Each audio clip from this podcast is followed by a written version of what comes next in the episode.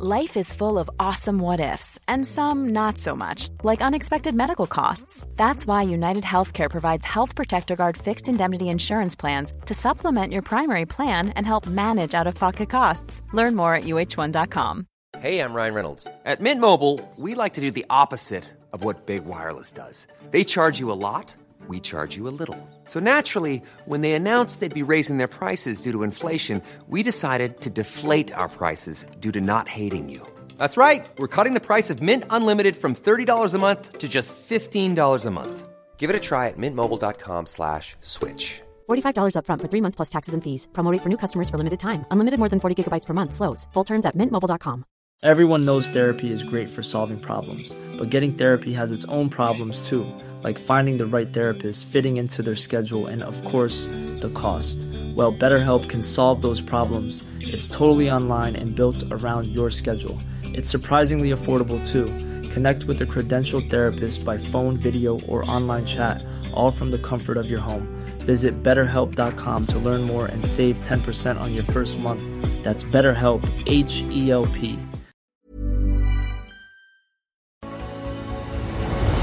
Posloucháte pořad Životy slavných, ve kterém vám Pavel Zuna přiblíží osudy významných mužů a žen, kteří v dobrém, ale někdy i ve zlém změnili podobu tohoto světa. Pokud byste chtěli pořad sledovat v jeho videoformě, najdete ho na internetové televizi MOL TV. Nyní už vám ale přejeme příjemný poslech.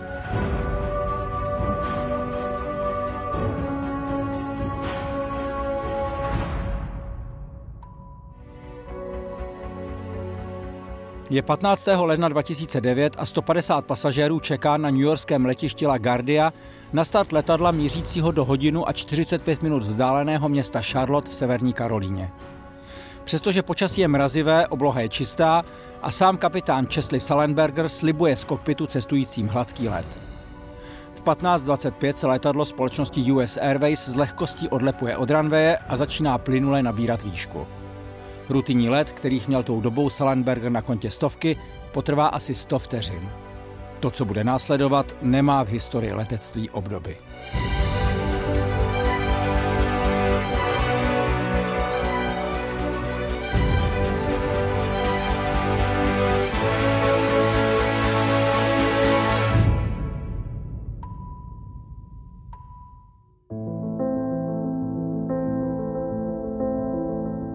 Odborníci na leteckou dopravu se shodují, že kdyby onoho dne seděl v pilotní kabině téměř kdokoliv jiný než kapitán Salenberger, mluvilo by se o 15. lednu jako o černém dní letectví. Sally, jak pilotovi dodnes všichni přezdívají, ale nebyl typickým kapitánem komerčních letů.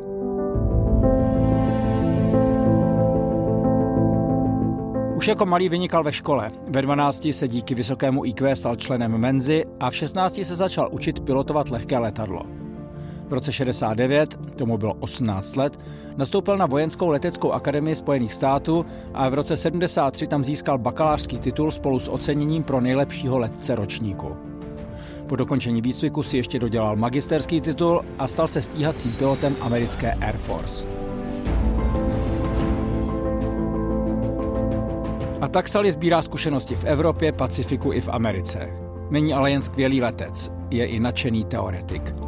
Ve volném čase se sám dovzdělává v bezpečnosti letového provozu, načítá přepisy rozhovorů z pilotních kabin havarovaných letadel a je také členem komise, která vyšetřuje armádní letecké nehody.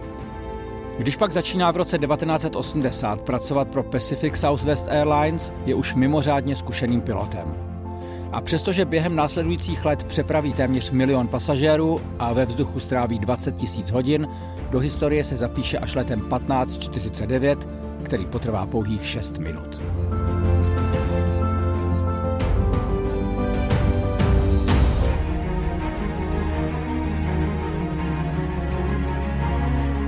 Krátce před půl čtvrtou odpoledne se letadlo s kódovým označením Cactus 1549 vznáší a 155 lidí na palubě, včetně trojice letušek, kapitána Salenbergera a jeho kopilota Jeffreyho Skylese, může z okének obdivovat výhledy pod sebou mrakodrapy na Manhattanu i řeku Hudson, která tvoří hranici mezi státy New York a New Jersey.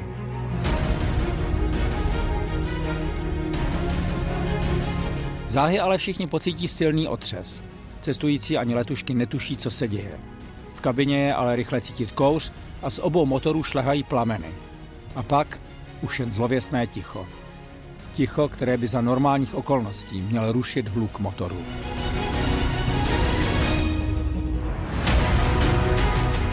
Oba piloti poznají příčinu poruchy ještě dřív, než k nehodě dojde.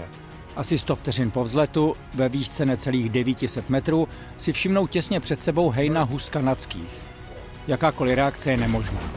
Takový manévr je jednoduše nad možnosti plně obsazeného stroje A320 o délce téměř 40 metrů. Oba motory, které nasály několik ptáků, téměř okamžitě vypovídají službu.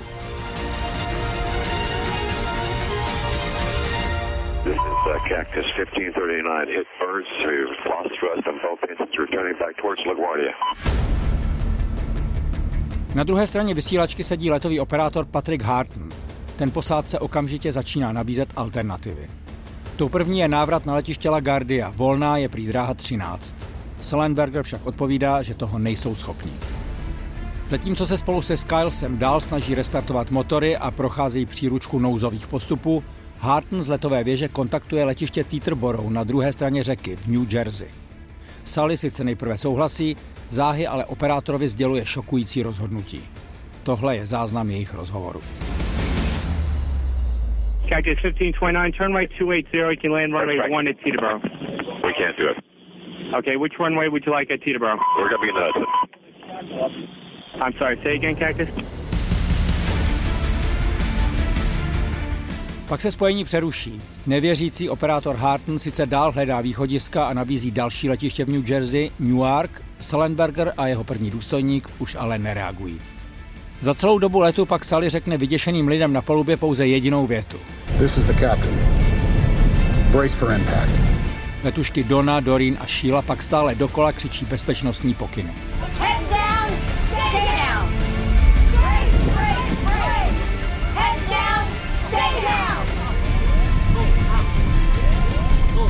Mezitím kokpitem zní záplava varovných hlášení.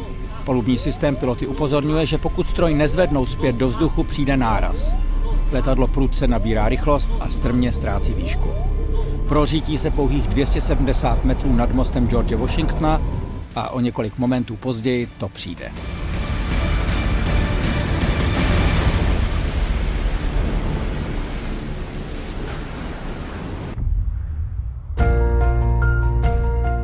Je to skutečně skoro jako zázrak. Nouzové přistání se vydaří a letadlo zůstává plavat na hladině. Okamžitě však začíná nabírat vodu. Letušky vědí, že je potřeba si pospíšit a i hned otevírají nouzové východy nad křídly. O to též se bohužel pokouší i jeden z pasažérů sedících vzadu. Otevřené zadní dveře ale jen urychlí příval vody. Někteří cestující čekají na záchranu na nafukovacích skluzavkách, jiní postávají na křídlech. Další se ve strachu z exploze dokonce pokoušejí plavat na břeh. Řeka je ale široká a voda má pouhých 5 stupňů.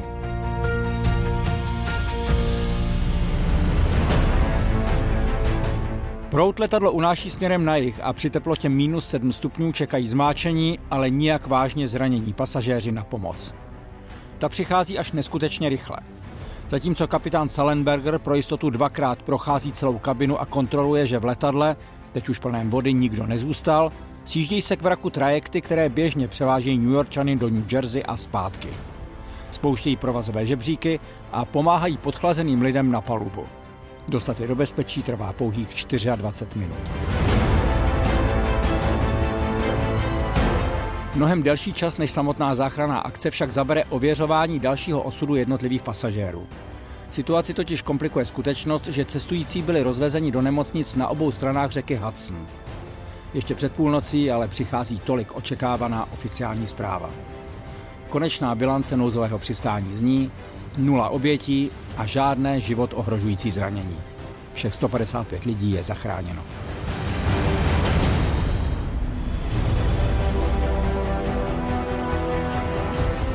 V následujících dnech se z Česliho Salenbergera stává hrdina nevýdaných rozměrů. Média, politici i obyčejní lidé na ulici, ti všichni mluví o jeho nouzovém přistání jako o zázraku na řece Hudson. Ještě nikdy předtím totiž žádnému dopravnímu letadlu neselhaly oba motory v tak nízké letové výšce. Přistání na vodě bez jediného ztraceného života je naprosto unikátní počin.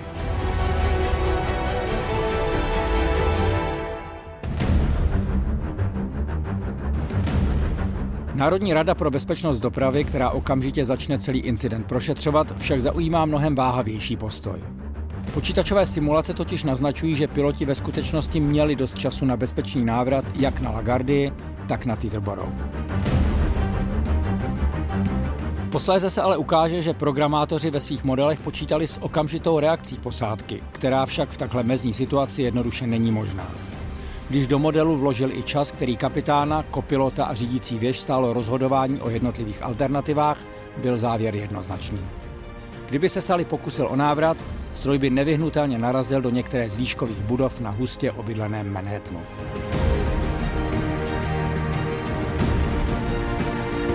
Česlimu Salenbergerovi poděkoval za jeho manévr starosta New Yorku Michael Bloomberg i prezidenti George Bush a Barack Obama. On sám později ve své knize napsal. Bylo to, jako bych celý život posílal malé pravidelné vklady do pomyslné banky zkušeností. A po 42 letech, v lednu 2009, jsem si to všechno najednou vybral. A to je z dnešního dílu pořadu Životy slavných všechno. Pokud byste ho chtěli ještě vidět ve videoformě, najdete ho na MOL TV. Děkujeme vám za pozornost a naslyšenou příště.